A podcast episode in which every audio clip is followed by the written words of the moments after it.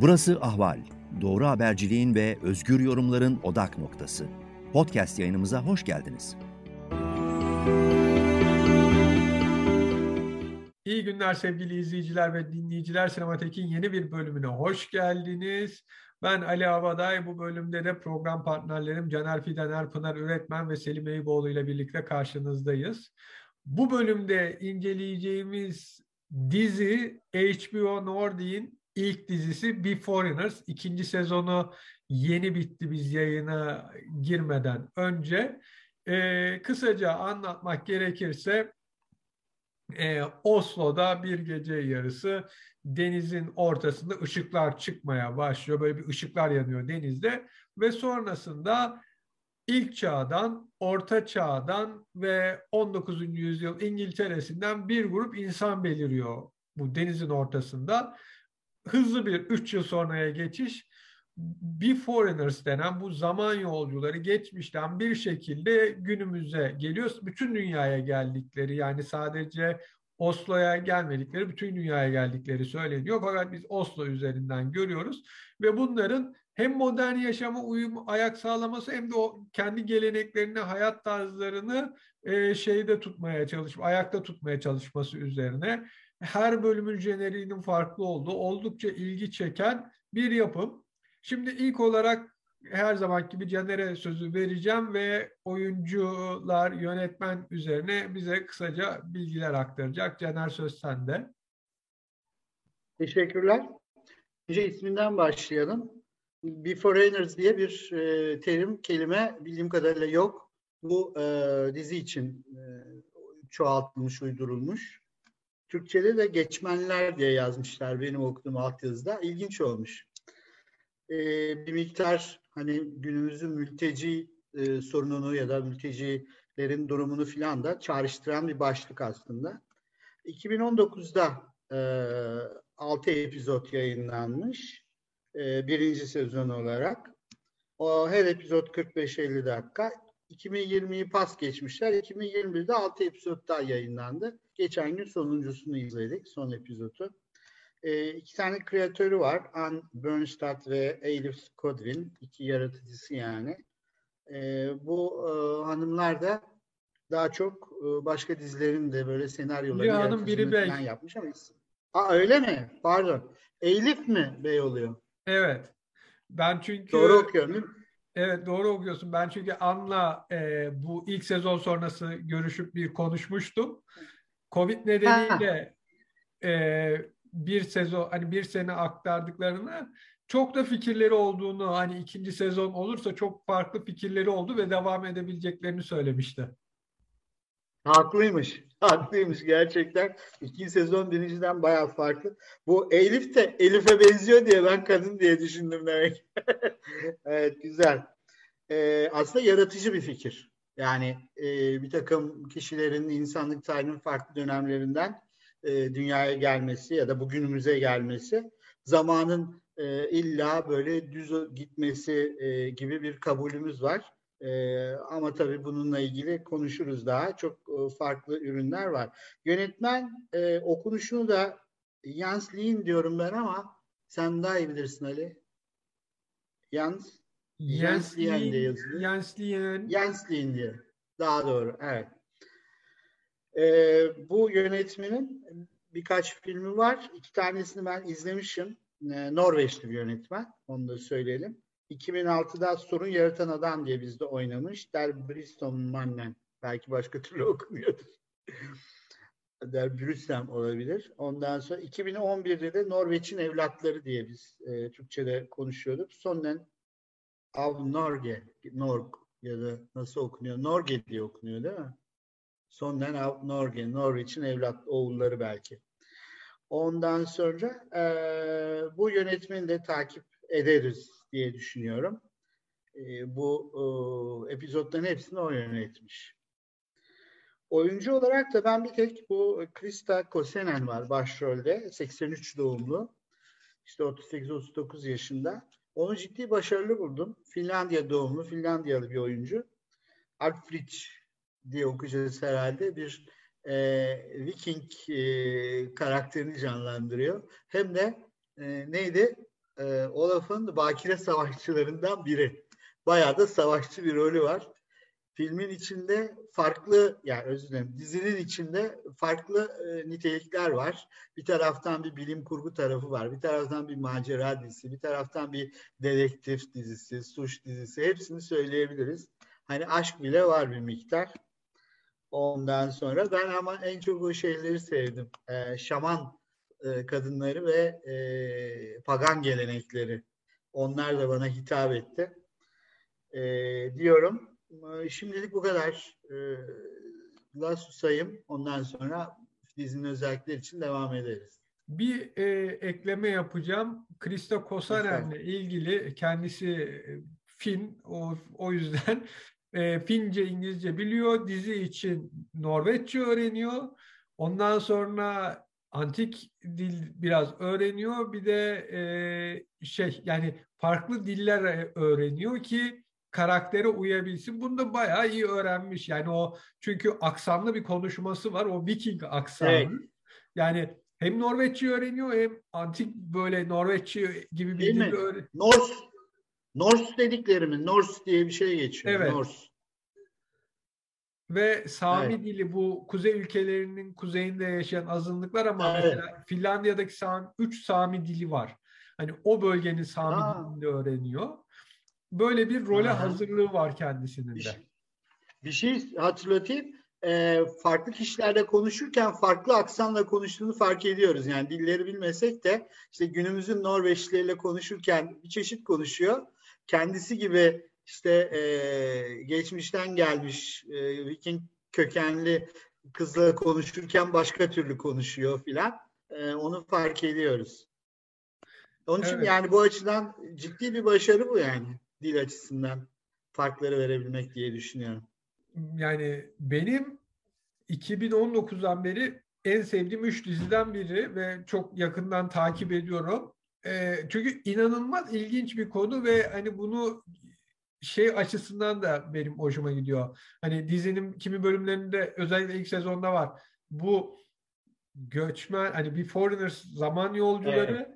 Ama işte mesela bir kısmı Viking yani Norveç'in eski sahipleri, esas sahipleri ve şey diyor günümüzdeki kimi Norveçlilerde bunları istemiyoruz bunlar gitsin ama başka bir ülkeden gelmemiş. Senin atan nereye gidecek? Biz bunları istemiyoruz. Yani bayağı ilginç Zamanı, bir şey diyorlar. Bir dizi. Evet hatta şöyle bir terim e, çıkmış zamancılık diye. Yani hani ırkçılık gibi bilmem e, işte cinsçilik gibi, cinsiyetçilik gibi orada da bir öyle bir kurgu yapmışlar. Zamancılık. Yani belli bir zamanı önceliyorsan bu işte Norveç bugünün Norveçlilerine aittir diyenler zamancılıkla suçlanıyor. Peki Selim ve Pınar'dan ilk kim dizi hakkında konuşmak ister diye ben bir sorayım. Hani ilk söze girmek isteyen var mı? Evet. Selim sen başla istersen biraz türünden bahsedelim sonra ben devam ederim. Ee, tür dersek yani hakikaten Ali'nin dediği gibi birçok türün böyle iç içe geçmesi aslında komedi de var. Ee, e, Ali'nin Tabii mizah da var. Eklemek için. Hatta e, zaman zaman atıyorum mesela şey e, bir sahne var. E, bu e, bizim karakter neydi adı? Alfredis. Alfred. Alfred. Alfred'dir. Alfred. Onun savaşçılarından biri bir galeride şey böyle bir tür vandalizm yapıyor. Vandalizm de zaten e, şeyinden gelme miraslısı bir kelime şey olaraktan. E, polis tutukluyor filan. O sırada yani çocukluğundan beri tanıdığı kişiyi kurtarmak için kendisi dedektif ve de kanunu filan e, temsil etmesine rağmen şöyle bir şey diyor. E, bu post travmatik e, bir e, durum diyor. Şey o distress durumu diyor çünkü bir travma yaşamıştı şeyinde ve bu tablo çünkü bu dizide aslında şöyle ilginç bir şey de var. Biraz ortasından dalıyorum ama tam paganlarla Hristiyanlar geçiş arasındaki o sancılı mücadele ve iki tarafı da ayrı ayrı savunan, bu uğurda savaşan, ölmeye hazır insanların olduğu, Vikinglerin olduğu bir döneminden insanlar bugüne geliyor. Dolayısıyla o mücadelenin kendisi de sürüyor. E, dolayısıyla Hatta karakterlerden biri Norveç'te ilk kiliseyi kuran kral. Hatta diyor ben kralım ben bu kiliseyi ben kurdum. Hani diyorlar sen o kimliği alamazsın. DNA yöntemiyle krallığını e, şey yapmaya çalışıyor ve hakikaten korkutucu olan şey öyle Kürtler o kadar kolay kabul görüyor ki dünyamızda şimdiki zamanda yani şey oradan atıyorum böyle Trump gibi bir kral çıkabilir mesela şey gayet evet. şey, e, o kültür üzerine şey yapan. Şimdi e, dolayısıyla e, birçok ve, ve bana artık bunlara janr demek biraz saçma oldu. Çünkü alt türün alt türünün alt türü üstelik de bir de sadece janr değil alegoriler de e, siz aşikar evet. bir şekilde bütün o işte o mülteci krizi, bütün dünyada yaşanan e, eş zamanlı yerine hakikaten art zamanlı bir şey versiyonu var burada. Ama aklıma şunlar geldi. Alien Nation diye bir film vardı. Sonradan televizyon dizisi de yapıldı. Bir alien gemisi içinde binlerce kişi olan dünyanın yakınına geliyor. Ve bunlar hiç öyle zararlı veya kötü niyetli bir tam tersi bir mülteciler şeyi. Ee, ve iniş izni istiyorlar. iniyorlar Amerika green card veriyor hepsine. Ve bir anda böyle şey alienlarla iç içe Ama yaşamaya başlıyor. Ama ilginç bir diziydi. Yani o hani kültürler topluma bir polisiye diziydi hatırladığım o iki polisin hani bir taraftan kültür çatışmaları bir taraftan olayları çözmeleri çok ilginç bir diziydi o da. Evet ilginç bir diziydi ve yani orada da aslında şöyle bir alt metin vardı. Onlar da bir yerde okumuştum. Chicano Kızılderilileri ne filan temsil ediyormuş. Yani davranış, kültürleri, giyimi, bilmem neleriyle falan falan. Dolayısıyla her zaman bir ırksal öteki üzerinden bunlar yaratılıyor. Yani bilinçli veya biraz daha bilinç dışı e, olaraktan. Sonra zaman yolculuğu ileri ve geri zaman yolculuğa gitmesi bana The Nevers dizisini hatırlattı. Sonunu hatırlarsanız onun böyle hakikaten insanın beynini döndüren sonu vardı. Ee, şey en başını bile başka türlü algılamaya başlıyordum. Sonunu bir kere görüp de o ana karakterin nasıl gelecekten bir şey yaptığını, Victoria dönemine şey yaptığını, geçtiğini filan. Ee, bir de daha yeni The Crossing diye bir dizi vardı.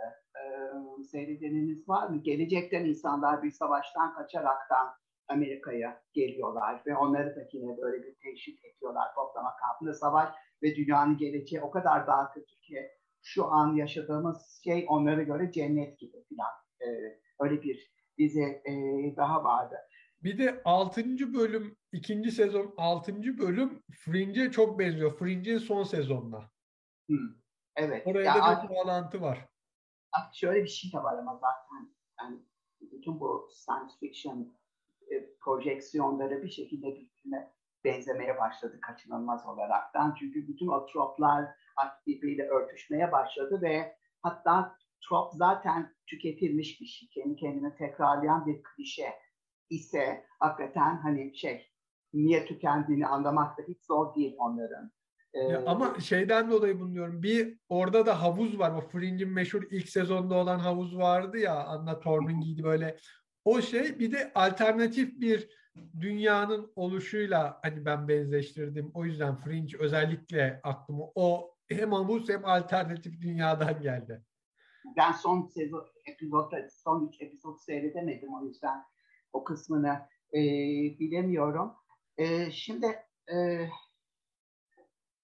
hakikaten çok şey bir dizi. Yani dediğim gibi e, daha önce hani hepimizin biraz bahsettiği gibi yani kendi tarihleriyle bir şekilde yüzleşme veya mücadele etme, onu reddetme, onu tekrar yazma e, gibi e, bir takım kavramlar üzerine. Ve Norveç'te olması ve de şey olması özellikle ilginç. Hani bu Viking şey olması. Çünkü bir taraftan evet yani e, ilkel ve şey bulan, e, kaba saba bulanlar, e, siz bizim zamanımıza ait değilsiniz diyenler falan var ama bir taraftan da Norveç'in, İsveç'in filan resmi kültürü aslında Vikingler. Yani en vazgeçemedikleri şey hatta daha da tehlikeli ve ilginç olanı bir kere şöyle bir şey de var hani Viking'de hiçbir antropolojik, e, arkeolojik bulguya şey konusunda boynuzlu hal e, şey e, miğferleri vardır ya Vikinglerin. Onu hiçbir zaman gerçekte tarihte gi- giymemişler. Hiçbir savaşçı öyle bir boynuzlu miğferiyle bulunmadı. E, fakat daha ilginci Wagner'in Der Rings des Nibelungen diye bir operası var. Ve bunun kostüm tasarımcısı Karl M. Doppler, 1800'lerde bu. İlk defa o boynuzlu tasarımı yapıyor. Ve bu o kadar başarılı oluyor ki birçok ülke, e, filan o işte Danimarka, Norveç filan hepsi bunu bir şekilde sahipleniyor ve tarih bir anlamda yeni bir mitoloji sadece o boynuzlu helmet değil. Yani şey üzerinden de yani bir Viking beyaz şeyi ve o kadar ki hani Hitler'in Wagner hayranlığı falan bile buna bağlı. Çünkü Almanlar da kendi şeylerine e, e, ulusalcıları yani yeniden bir ulus devlet şeyini yazarken tamamen Vikinglere gönderme yapıyor. Çünkü ilk defa Antik Yunan ve Roma göndermesi olmadan yeni bir şey yaratıyorsunuz kendinize. Yeni bir mit yaratıyorsunuz. Başlangıç miti. Türklerin Ergenekon destanı gibi yani mesela şey olaraktan. Ee, ve o kadar Almanların şeyle Viking karış, karışmış ki aslında artık ayrılamaz. Yani onların da geçmişi sanki Vikingmiş gibi bir şey de ortaya çıkmış. Ve bu dizide de ilginç olan hani e, bir taraftan da hani e, onun vazgeçilemezliği de var. Yani Norveç kültürüne ya o kadar böyle iç içe geçmiş ki Norveç kültüründe e, şey dediğim gibi yani bir yanıyla hem mecbursunuz sahip çıkmaya bir yanınızla da hani şey böyle hani tarihin o yeniden yazılma sürecine sanki bir şekilde hayatın kendi içinde dizinin akışı içinde bir kere daha tanık olup hatta onun bir parçası oluyorsunuz. O anlamda da böyle ilginç, postmodern bir e, yanı var e, dizinin. Ama aynı zamanda da şey yok eğlenceli de yapıyor diziyi bir şekilde. Çünkü hani bütün bizim aslında hepimizin işte mültecilikle ilgili olsun ya da özümüz gibi bir mitle ilgili olsun. Hani hepimizin ne kadar bu konuda şey olmasıyla ilgili. Yani böyle ikircikli olmamızla yani bir yanımızla e, bir şey bir yanını savunurken bunun bir yanıyla da farkına varmadan biz de ırkçı bir söyleme düşüp de onları çok kolay reddedebiliyoruz. Bu Türkiye'de de her yerde de yaşanan bir şey aslında benzer mülteci durumlarında. Ee, evet. evet. Bir şey, bir şey diyeceğim. Bu 1924 tarihli Fritz Lang'ın Nibelungen e, filmi vardı. Orada evet. o boynuzları hatırlamıyorum. Yani demek ki daha sonra sahneden geçmiş. Yok Fritz Lang e, Var zamanında mı? artık boynuzlar mit olmuştu. Yani 1800'lerde Wagner operasının kendi sergilendiği okay. zaman bu boynuzlar ortaya çıkmış. Yani gerçek şeyi e, tiyatro yaratmış oluyor. Evet ben e, evet. E, bir futbol maçında böyle maç öncesi plastikten o miktarlar satılıyordu iki taraf için. İşte İsveç Danimarka maçı öncesi. E, nasıl Türkiye'de bayraklar satarlar falan milli maçlarda. Onun gibi böyle plastik ucuz böyle e, miğferler onları herkes taraftarlar takıyordu e, maçı seyrederken. Bu şey yine, çizgi tarih... filmle yayıldı. Ee, bir, bir de o çizgi filmle yayıldı. 70'ler miydi, 80'ler miydi? Vikingler vardı ya. 80'lerde o Vikingler. Onunla o kuşak Şöyle oldu. yapardı, 80'ler çıkardı. Ee, ee, sen ne diyordun? Ee, yani tarihin gene ne kadarının gerçek ne, ne kadarının kurmacı olduğu, yeniden yazıldığı üzerine gene yani e, bir evet. şey açtı, pencere açtı bize bu da. Ee, tabii orada Çok mesela güzel, bu evet. e, iki ayrı zamandan geliyorlar değil mi? Yani bir Vikinglerle paganların zamanı, işte kilisenin kurulduğu kral İlk zamanı. İlk sezona göre üç farklı zamandan geliyorlar. İlk çağ var. Hani şeyde... Onlar çok az ama herhalde değil mi? Evet doğru. Bir de 18. yüzyıl gibi Baş böyle bir bohem evet. hayatı yaşayanlar 19, var. 1811. Çünkü o hareket falan var. İlk sezonda o, ilk sezonun sonunda öldürülen bir karakter var. Drone'la öldürülen. Evet. O işte şeyden geliyor. O ilkel çağda. İlk çağ. Burunlarında şey Taş olan. Kemik olan. taş devri olan kim burnu Ta- kim çiğ çiğ. Tavşanı çiğ çiğ yiyordu. daha vahşi olan. Hani e, bir yandan da şey var. Pardon senin ben girdim araya ama seni böldüm mü? E, yok yok bölmedim sen devam et. Yani bir yandan da şey var. Hani zamanda yolculuk diyoruz ama bu dizi zamanda yolculuğun da çok ötesine geçiyor. Hani evet zamanda yolculukla başlıyor ve bütün motif o tekrarlayarak devam ediyor. Hiçbir zaman kaybolmuyor. Ee, yani geçmişten bugüne gelenler, bugünden geçmişe gidebiliyorlar mı? Bu dizinin evet büyük bir soru işaretiyle tartıştığı bir konu. Ama bir yandan da bir polisiye dizi. Ee, dedektiflik var, işte gerilim var işin içinde, mizah var, kültür çatışması var. Hani bunların hepsini çok güzel birleştirmiş ve ben İskandinav yapımı olması dolayısıyla da çok mutluyum. Çünkü bir Amerikan bakışı olsaydı herhalde çok görsel ve işitsel efektlerle e, tamamen böyle bilim kurguya dönen bir dizi izlerdik. Bu bu yalın haliyle çok daha güzel olmuş diye düşünüyorum. Yakında Amerikan O versiyonu şeyi düşün. Olabilir. Yakında olur. O bir de şey çok hoşuma gitti. İkinci sezon ortalarında şey yaptılar. Üçüncü sezon olabilirse diye eee, bu Westworld'de gördüğümüz gibi hani bir ada var. Bu ilk gelen zaman eee, göçmenlerinin kaldığı ada. Orada mesela Çin'den gelenler de var. Yani başka Evet. ülkelerin başka zamanlarından gelenler var. Biz onları henüz göstermedik fakat onlarla ilgili arka planını da hazırlayalım gibi böyle bir yol açmışlar ki onu sadece bir konuşmadan sadece sahnede bir göstermeyle ve işte şeyi de çok güzel çözmüşler öylelikle. Niye bazı İngilizler burada kalıyor? E çünkü bun, onlar gitmek istemiyor veya işte şey kimlikleri tam teşhis edilemiyor ve burada sığınma hakkı kullandıklarında uluslararası kanunlar gereği mecbur onlara vatandaşlık veriyoruz ama başka ülkelerde işte bizim ait, bize ait kültürden gidenleri böyle tutabiliyor. Hani aramızda böyle bir işbirliği var gibi çok hızlı ve güzel bir şekilde kesmişler. Hani o kimi akılla takılan soruları da çözüm bulmaları o açıdan benim hoşuma gitti. Yani dizinin bu akılla takılan sorulara cevap verme huyu çünkü bazı dizilerde biliriz böyle takılır ve o sorunun cevabı olmaz hani onu öyle kabul et denir. Olmaması da hoşuma gidiyor. Sen bir şey diyecektin galiba Pınar. Evet şey e, bu son ikinci sezonun sonlarına doğru da İngilizler işin içine girdi. Hani orada da aslında bütün dünyayı ilgilendiren bir şey olduğunun sinyallerini verdi. Bilmiyorum üçüncü sezon olursa e, birazcık daha uluslararası devam edecek gibi geldi bana. Şimdi şey bu e, zamanda yolculuk meselesine ben birazcık girmek istiyorum.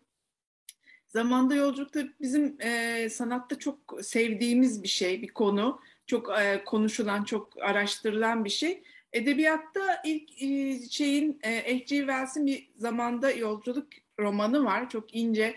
Bilim kurgudan çok herhalde bir düşünsel deney denebilir. Ama sinemada çok daha fazla var zamanla ilgili bu tür şeyler. Biz de hatta zamanda tutsak filmini e, yaparken bunu konuşmuştuk birazcık. Ama bu dizide bunlardan farklı bir şey var sanki. E, hem zamanda kırılma, hem paralel evrenler, hem zamanda yolculuk e, bir sürü şeyi ele almış ve bu zamanda yolculuğun üzerinden yani o sadece bilim kurgusal bir şey değil ne olurdu ya kafa yormuş. Hani insanlar gelse buraya toplu olarak ve burada onun için hem sosyolojik hem psikolojik hem de felsefi bir e, soru ortaya attığını düşünüyorum. İşte göçmenler meselesi de buradan geliyor. Yani mülteciler gibi zamandan çıkmışlar, gelmişler. E, bunları kabul etmeyen sadece bugünün Norveç'i de değil. Yani gelen insanların da mesela kralın bir itirazı var. İşte bugünün filmleri seyrettiriliyor. O sırada e, eşcinsel evliliklerle ilgili bir şey görüyor. Diyor ki böyle şey olmaz bir biz Hristiyanız hani bu ne biçim şey falan diye karşı çıkıyor. Herkes kendi kültürünü bir şekilde devam ettirmek istiyor. Yani bunu dizide çok iyi görüyoruz. Keçilerini otlatanlar var. E, paganlar kendi kültürlerini devam ettiriyorlar. Ağaçta uyuyanlar var falan. E, o zaman ne olacak? Var. Vikingler? Viking özentileri var. Yani Evet. Vikingler yaşayan, onlar gibi giyinen, onların e, şeylerine, alışkanlıklarını benimseyen bir grup da var. Özellikle barları falan kuruluyor işte içkiler böyle şey boynuz şeklinde veriliyor. Evet. Evet o zaman tabii kültür karmaşasının içine de giriyor insan yani ne olacak şimdi? Ee, mesela o Alfred, Alfred e, karakterinin yani kadın karakterimizin şeyini görüyoruz. E, bir uyku, uyurgezerlik problemi yaşıyor ve bunu ben e, geleneksel yöntemlerle çözmek istiyorum diyor. İşte büyücüye gidiyor, şamanlara gidiyor. Ama tabii biz şamanları ve büyücüleri direkt şey olarak görüyoruz. Büyü yapılıyor ve çok hani akla aykırı bir şey gibi. Ama aslında o dönemin bilicileri yani bilim insanı bir şekilde şamanlar, işte büyücüler. Ee, hani Freud'un e, büyü ve toteme baktığınızda ya da Campbell'ın araştırmalarına falan baktığınızda hani o zamanın bilim insanı bir, bir nevi bu insanlar. O açıdan da bakmak lazım. Ama tabii dizide bunlar birazcık daha işte hani geleceği okumak, geçmişi okumak, kanından işte şeyini görmek gibi farklı yerlere gitmiş. Ee, bir de bir sürü yere referans vermiş. Mesela bunlardan bir tanesi işte Jack karakterinin ikinci sezonda gelen işte o Emil Cioran'dan şeyler okuması, mümkün tablosunun önünde işte fotoğraflar çekilmesi, bir de Karın Deşencek var. Hani bugüne gelen Karın Deşencek falan. Hani bunlar diziyi gerçekten çok izlenilesi yapıyor birçok yönden. E, sadece bir bilim kurgu değil işte polisiye de var. Onu takip edebiliyorsunuz. Cinayetler var. Onu takip edebiliyorsunuz. Ve orada işte nörobilimsel veriler var. İşte beynindeki hipokampus mu büyümüş, ne olmuş, onun algıyla ve hafızayla ilişkisi nedir gibi. Yani birçok yere değinen bir e, dizi olduğunu düşünüyorum. Benim açımdan e, sadece sıkıntı veren konu şu oldu. O kadar çok karakter var ki, o kadar çok kişi giriyor, çıkıyor ki bazen takip etmekte zorlandım ben karakterleri. E, onun dışında e, çok keyif alarak izlediğim bir dizi oldu. Şey, e, bir paradoks da var. E, şimdi başından hani bir şey çok belli. Hani alegorik bir e, şey kavram üzerinden yola çıkılmış. Yani mülteci sorunu.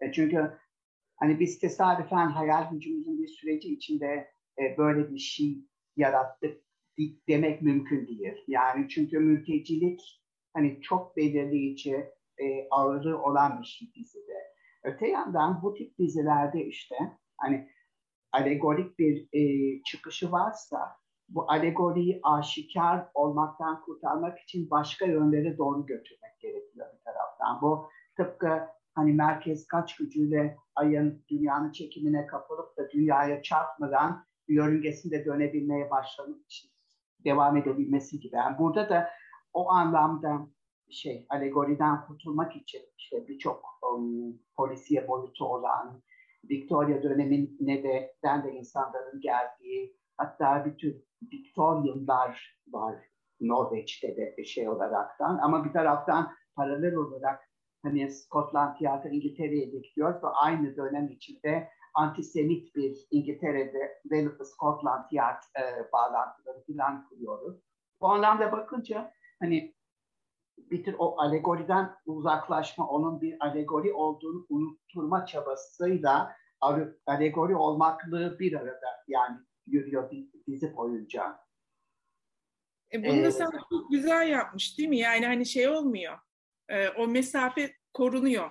Evet, evet, evet, evet. Ya o bir tür kaçınılmazlık hakikaten. Yani sadece bir alegori olarak kalsaydı çok sıkıcı olurdu ve ki, e, şey bize de hani bir kere anladıktan sonra bizim şeyimiz de giderdi. Halbuki biz diziyi devam ettiren tam tersine işte daha farklı bir narratif oluşturması bir şekilde e, bütün o ilişkiler, işte, işte insan ilişkileri değişiyor. Sadece polisiye boyutu değil, e, Vikinglerin yavaş yavaş o ana karakterlerin ayak uydurmaları veya 21. yüzyıl Norveçlilerinde Vikinglilere ayak uydurması aynı zamanda gibi. Şeyde mesela o e, Lars karakterinin e, eşinin e, kendisini bırakıp da hani 18. yüzyıldan gelen pardon 19. yüzyıldan gelen birisine Evet yani hani bu da mesela bir şey e, aslında hani kadınlar hep centilmen birisini arar falan gibi böyle bir gönderme. Oradaki aile ilişkileri de çok ilginçti. Yani iki baba,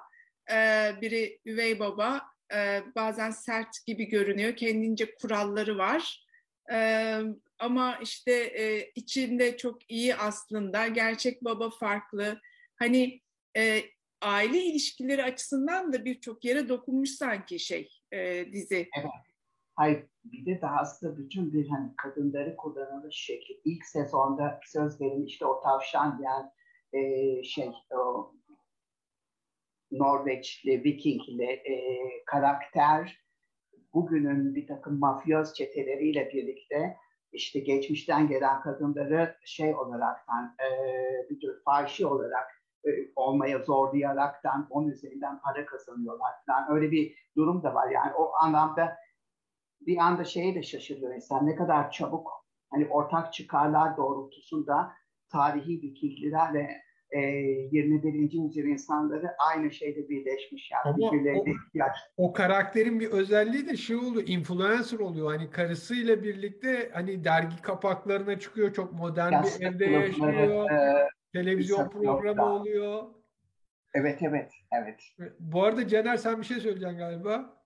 Ee, Evet ya şeyi söyleyeceğim. Şimdi e, farklı dönemlerden e, kişilerin ya da insan gruplarının bir araya gelmesi insan ilişkisi kavramını yeniden düşünmemizi sağlıyor. Aslında tabii bu e, mültecilik ya da sığınmacılık olayına yakın tarafı da bu. Yani farklı kültürlerden birileri gelip ülkenizde ya da komşu olduğu zaman işte mahallenizde yaşamaya başladığı zaman o onun kültürüdür ama ben neyi ne kadar kabul edebilirim? Ben ona neyi ne kadar zorlayabilirim e, sorusu üzerinden e, konuşmamız lazım. Ama doğrudan doğruya bir yabancı düşmanlığına dönüveriyor birden ilişkiler. Şimdi olayı farklı zaman boyutundan gelen kişiler olarak değiştirdiğinizde daha soğukkanlı bakılabiliyor ona. Ve ya işte evet tabii bunun e, kültürü farklı filan ama sonuçta gene yan yana geldiğimizde neyi ne kadar kabul edebiliriz? İşte kızın eğitimi üzerinden kızın işte e, o neydi Bendover Bus olayına katılıp katılmaması üzerinden iki babanın farklı tavrını görüyoruz. Ya da işte kızın ilişkileri üzerinden ve ben aslında şunu da fark ettim orada. E, dizi taraf tutmamaya çalışıyor. Yani taraf tutmadan hani diyelim 19. yüzyılın o pipocu babası e, bir taraftan bir kendi değer yargıları içinde doğru olanı yapıyor. Hani ötekiymiş gibi dayak yiyor ama bundan şikayet etmiyor. Senin yüzünden daha ki. Sonuçta e, hani bir e, değer yargıları bütünü var. Bu bana şey de düşündürdü. Wittgenstein e, sonuçta felsefe insan ilişkileri etikten ibarettir. Felsefe etikten ibarettir diyordu. Onun gibi burada da her şey aslında etikten ibaret oluyor. Yani bu buna engel olayım mı? E, olmam gerekir mi? Gerekmez mi? Kurallar nasıl konmalı? Ahlaki kurallar nasıl işleyecek? Yani zaman içinde değişmiş. İşte iki kuşak önce çocuk dövmek normal bir şeydi. Şimdi politikally correct değil. Siyaseten doğru bir şey değil. Ama iki kuşak önceki kişi gelince ona ne diyeceksiniz? yani filan diye böyle e, hoş problemleri gündeme getirmiş. Onun üzerinden sanki gene bu farklı kültürlerin bir araya gelmesi için bir şeyler söylüyor. Bir de şeyi ekleyeyim. Ludist hareketten bahsediyor mesela. Böyle referanslardan biri oydu. Ee, 1811'de olmuş. Makine Kırıcılar Hareketi. Yani e, Lut diye bir e, çırak Böyle öfkeli kişiler ortaya çıkmış ve bu tabii sosyalist hareket tarafından da çok ya da ilerici hareketler tarafından dışlanan bir şey olmuş. Ee, böyle bir Ludist hareketin günümüze e, şeyini görüyoruz. E, yansımasını diyelim. Ve onunla mücadeleyi görüyoruz. Şu laf hoşuma gitti dizide. Hayat bir labirent, çıkış yolunu bulmalısın diye bir laf var. Yani bir taraftan do, nasıl diyordu? Doğa, doğmamış olanlar ölemez de filan diye böyle bir, bir laf daha var. Gelişi gidişi e, ileriye gitmek veya geriye gitmek zaman içinde gibi. Ondan sonra şeyi söylüyorum. Ha bir şey daha söyleyeceğim. Bu böyle farklı dönemlerden insanların bir araya gelip e, e, bir arada işte yaşamaya çalışması bana eğer bu insan zihninin bir e, modeli ise, bir temsili ise e, şu olabilir, şunun bir e, modeli de olabilir gibi düşündüm. E, bir masanın etrafında kendi hayatımızdaki farklı yaşlarımızdaki kişileri toplamak diye bir alegori vardır. O Ali Poyrazoğlu'nun bir gazete yazısıdır ama sosyal medyada farklı isimlerle çok yayıldı. İşte 20 yaşı, 30 yaşı, 40 yaşı geliyor. Ortak özellikleri e, Erik Satie sevmeleri, o müziği koyuyor falan. E, ve kendi geçmişini eleştiriyor e, Ali Poyrazoğlu yazıda. Burada da insanlık kendi geçmişiyle ilgili e, kişileri bir araya getiriyor ve bunların anlaşması anlaşamaması gibi bir problem ortaya çıkıyor. Kan konusu var. Hala kan kutsallığı devam ediyor. Yani onu da geçmişten görüyoruz. Ee, Sen başka bir şey demeden o e, kendisiyle karşılaşmaları ufak bir ekleme yapabilir ha, miyim? Borges'in de öyle bir kendi çocukluğuyla karşılaştığı bir öyküsü vardır. Öteki ha, diye. Öteki. Evet Öteki. orada mesela hani karşılaşınca birbirini ne kadar yabancıladığıyla ilgili bir bir şey var orada da. Yani aslında o karşılaşmalar kolay değil bu kadar. Hani aa gördüm ne kadar iyi. Hani kendisiyle karşılaşmak da değil. Farklı bir zamandaki insanla karşılaşmak da çok kolay bir şey değil sanki.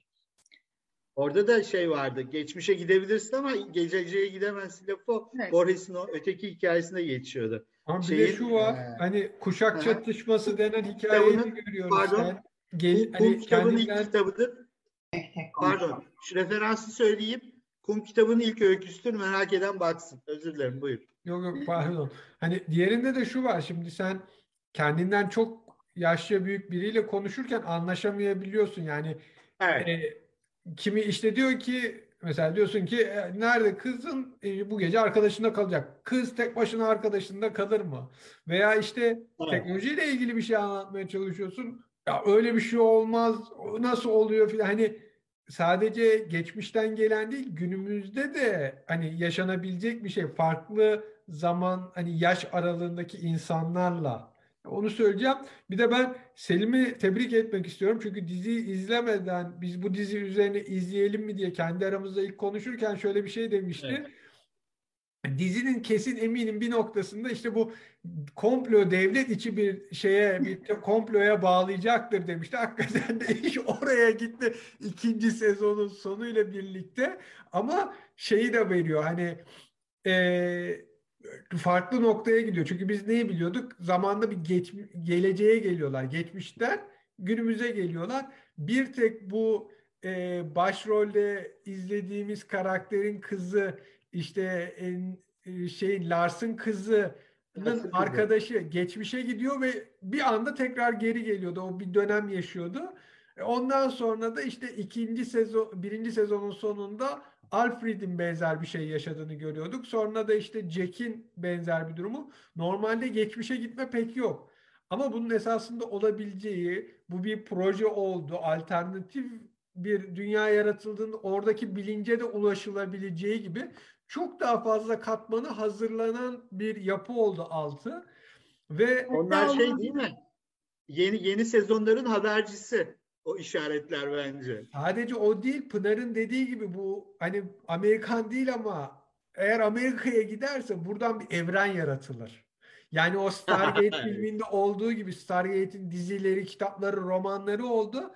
Bu dizi olarak kalmaz filmi işte başka hani Nasıl CSI Miami, CSI Hawaii, CSI Los Angeles var. Bir Foreigners London, bir Foreigners Norveç, bir Foreigners California, New York gibi bambaşka yerlere gider.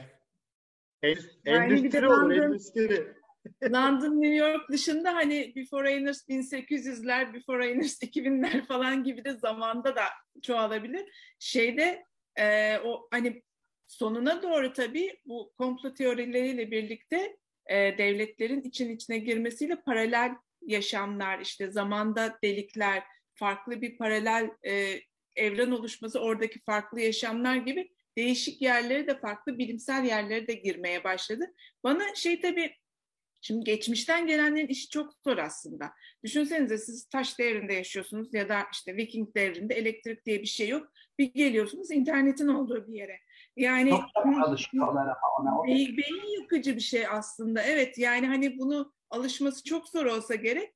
Hani e, dizide bunu özellikle mizahla aşmışlar gibi geldi ve bana çok hoşuma gitti. O mesela Kral Olaf'ın e, çevresindekiler işte biz çok güçlüyüz falan diyorlar bir yandan ama emniyet kemerini bağlamazsam işte 5000 kron bana ceza yazılır. Asıl korkaklık budur falan diyor. Yok işte e, hani e, bir Kırmızı kendisi, ışık Kırmızı ışık ne onu olduğunu kanıtlayacak DNA testi için gidiyor adamla pazarlık ediyor falan yani tamam e, ben uyarım diyor ya kralım diyor bir yandan ama bir yandan da hani o masadaki adama kendini kabul ettirmeye çalışıyor falan gibi bunlar çok mizahi şeylerdi çok güzeldi yani.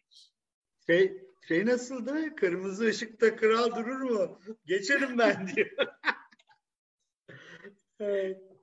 Yani dizinin çok hani her izleyenin kendine göre, kendi önceliğine göre veya bakış açısına göre göreceği, öne çıkaracağı noktaları var. Zaten dizinin bu kadar tutulması, popüler olması, izleyenlerin de hoşuna gitmesinin bir nedeni de o.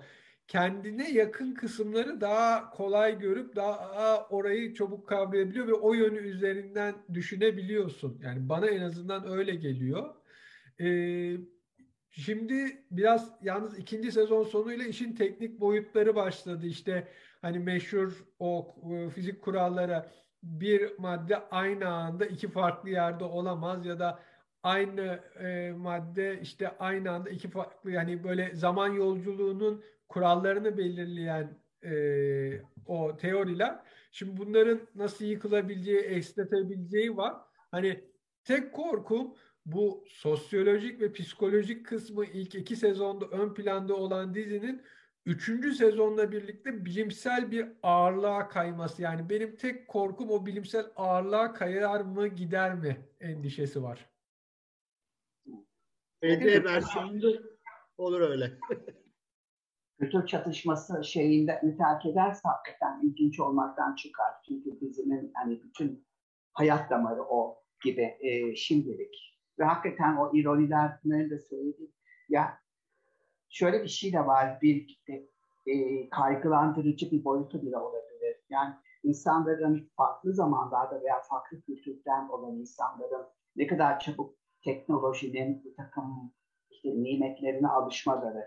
İşte mesela e, tamamen e, şu anda böyle ilk çağda yaşayan hani kabileler var dünyada hala. Onlara bir tane akıllı e, telefon verdiğinizde 24 saat içinde o telefondan vazgeçemez hale geliyor ve kültürü tamamen değişiyor. Bir daha geri dönüşü olmayacak bir şekilde o binlerce yıllık hani böyle bir e, yaşam tarzı e, bir anda değişmiş oluyor. Yani burada onun da biraz ironisini görüyoruz. Yani bir taraftan şeyden gelen Vikingler o kadar çabuk alışıyorlar ki araba kullanmaya, dijital kamerayla fotoğraf çekmeye, e, telefon kullanmaya vesaire e, o boyutu da ilginç. Ve şey de yani o şunu da gösteriyor hani ötekileştirmek aslında ne kadar problematik bir şey aslında. Çünkü sandığımız kadar öteki değiller. Yani bu kadar çabuk adapte olabiliyorlarsa o boyutunu da sanki bize onun da altını çiziyor. Bu kadar çabuk ayak ayak uydurabiliyorlarsa hani bizim hayat tarzımıza falan o zaman hani bizim öteki olarak görmemizin temelinde ne var gibi e, sürekli bu soruları da aktif tutuyor. O zaman şey tek tipleştirme gibi bir şeye çıkıyoruz herhalde. Yani farklı kültürel kimliklerin beraber yaşaması kısmından çıkıp e, tek tip aynı şeylere gülen, aynı şeyleri yapan e, insan toplulukları gibi bir yere geliyor tabii. Evet, aynı hamurdan yoğrulmuşuz filan gibi bir şey çıkıyor. Ve şey de çıkıyor hani ötekileştirmenin artık ne kadar ciddi problematik haline geldi. Yani bir yüzyıl önce ötekileştirmek ne kadar rahat ve sorunsuz hatta böyle bir inanç gibi iken yani günümüzde onun ne kadar komplike ve hepimiz yani ırkçı insanlar da bunun ne kadar komplike olduğunun farkında aslında bir taraftan. Yani kendileriyle samimi olmadıklarını falan e, bilebiliyorlar. Oysa hani daha geri gittiğimizde hakikaten bu bir inançlı farklılıklar. insanların sanki temel kategorik farklılıkları vardı. Mesela 18. yüzyıl antropologlarının beyaz insan tanımlama şekilleri falan düşünüldüğünde e, bugün hani o bir taraftan herkes farkında hani ötekinin hani klasik öteki olamayacağını ve bütün bu, bu tip diziler zaten onun bunların çeşitlemeleri üzerine kurulu. Yani mizah boyutu bile burada ilgili. birazcık sınırların da yok edilmesi sanki. Yani hem e, fiziki sınırların işte ülke sınırlarının göçmenlik, zaman sınırlarının ya da işte ırk dersek e tabii herkes iç içe geçiyor. Kan sınırlarının yani her türlü sınırın artık ortadan kalkması gibi bir şey oluyor. Peki ben yavaş yavaş yayının sonuna gelirken eklemek istediğiniz veya söyleyeceğiniz ama söyleyemediğiniz bir sözünüz var mı diye sorup programı kapayacağım. Çünkü süremizin sonuna geliyoruz. Caner senden başlayayım. Söylemek istediğin bir şey var mı? Ee, ben bir şey eklemek istiyorum. Bir taraftan da e, zaman boyutunu da farklı zamandan gelme boyutunu da işin içine katarak sanki bu e, farklılıkların karşılaşması sürecine daha uzaktan e, bakmamızı sağlıyor dizi. Bu da bazı şeyleri kabullenmemizi ve gerçek hayattaki farklılıkların bir araya gelmesi süreçlerini daha iyi anlamamızı sağlıyor diye düşünüyorum. Daha soğukkanlı, daha belki işte fevri olmadan e, bize onu hatırlatmış oluyor gibi düşünüyorum. Hani alegorilerde, metaforlarda zaten bu hep vardır diye düşünüyorum. Bu kadar çok sağ ol. Selim sen son bir şey eklemek ister misin söylemeyi? Ee, benim hani şey yani birçok konudan bahsettik de böyle içine giremediğim bir şey vardı. O da yani paganlık ve paganlığa özlem boyutu dizideki. Evet. Şey çok ilginç çünkü şu Rus sev bu festival neydi böyle teenage çocukların uyuşturucu kullandığı şey yaptı. Hani şeyin kızı da Lars'ın kızı da böyle gidiyor arkadaşlarıyla birlikte Hatta annesi istemiyor filan engel olmaya. gittikleri evet. O aslında ilginç bir şekilde sanki pagan dönemi bir festivali ve hala hani eğer e, şey e, Vikingler gelmemiş olsa bile bir Viking geleneğinin yaşatılması gibi bir şey. Yani orada da ne kadar aslında işlerinde bir şeylerin hala hani canlı kaldığı, tarihten taşındığı böyle bir, bir kültürün e, şey e, sanki onun göstergesi e, gibi. Çünkü o sanki şey, şey vardı ya ona da referans vardı. Bu çölde her yıl yapılan saman adam yakma süreci. Evet. Ona da gö- gönderme vardı. O o da zaten pagan dönemden kalma bir şey. Evet evet evet evet. E, dolayısıyla pagan e, özellikler bir şekilde hem yaşadığı gibi sanki ona karşı bir nostalji de var yani o festivaller işte sanki ona göre bir not dahası sanki şey gibi onlar, bütün karnaval gibi yani. Karnaval e, sanki yani uygarlığın opoziti gibi. Her türlü kaosun, karmaşanın, çatışmanın böyle iç içe yaşadığı bir şey e, karnaval. E, hani Vikingler gelmese bile onun potansiyeli bir şekilde hani böyle toplumda yaşatılan bir şey. Yani onun altını çizmesi de bana ilginç geldi.